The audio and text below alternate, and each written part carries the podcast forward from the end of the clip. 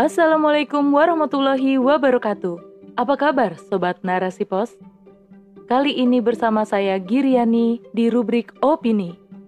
Narasipos.com Cerdas dalam literasi media, bijak menangkap peristiwa kunci.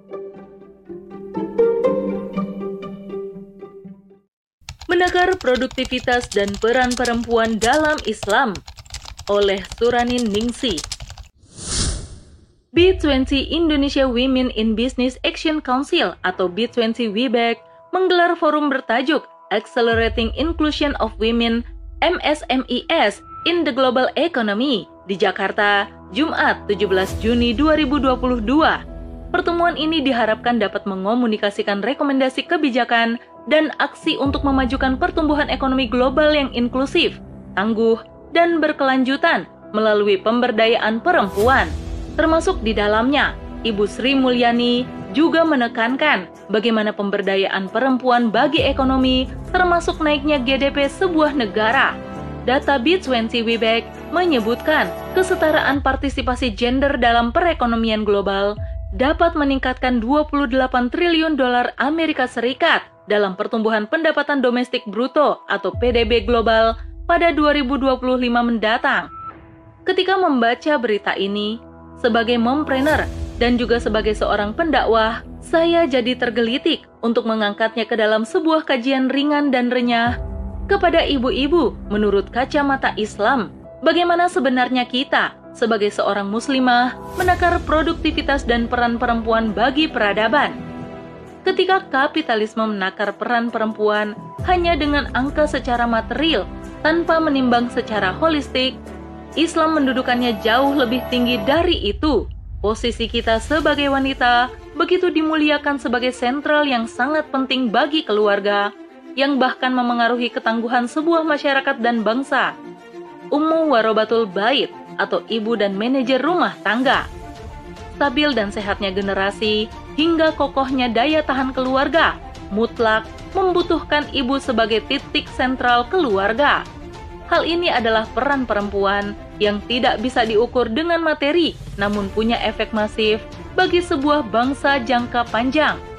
Ya, dalam Islam, wanita mubah-mubah saja bekerja. Namun dengan catatan, ia tetap menjalankan peran utama tadi.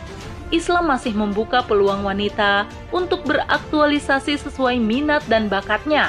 Industri, ilmu pengetahuan, dakwah, filantropi, social service yang bersifat fardu kifayah, bahkan aktivitas sosial politik atau amar ma'ruf nahi mungkar dan kontrol sosial. Namun, wanita-wanita yang maju ke domain publik ini adalah wanita yang memiliki support system di ranah domestik. Peran vital ibu tetap dijalani dengan sistem delegasi atau adanya dukungan jalur hadanah. Hingga detik ini, saya meyakini bahwa support system ini adalah privilege paling mahal yang harus dimiliki seorang wanita sebelum mengambil peran publik dalam bentuk apa pun itu menjadi ibu adalah basic yang harus tuntas sebelum mengambil peran ganda dan menuntaskan peran tambahan di luar rumah. Sebut saja Khadijah yang meski fisiknya di rumah, ia memiliki bisnis multinasional menembus batas Arab Syam kala itu. Privilege yang ia miliki sebagai salah satu top investor Quraisy saat itu bisa ia manfaatkan di bidang ekonomi. Namun, hal ini tidak meninggalkan fitrahnya sebagai ibu rumah tangga Bahkan, pundi-pundi kekayaan yang ia kumpulkan kemudian menjadi modal perjuangan sang suami tercinta, Rasulullah Shallallahu Alaihi Wasallam. Atau sebut saja Fatimah Al-Fihri, sang pendiri universitas pertama di dunia, ia memiliki privilege sebagai anak dari saudagar kaya yang mendermakan hartanya di dunia pengetahuan.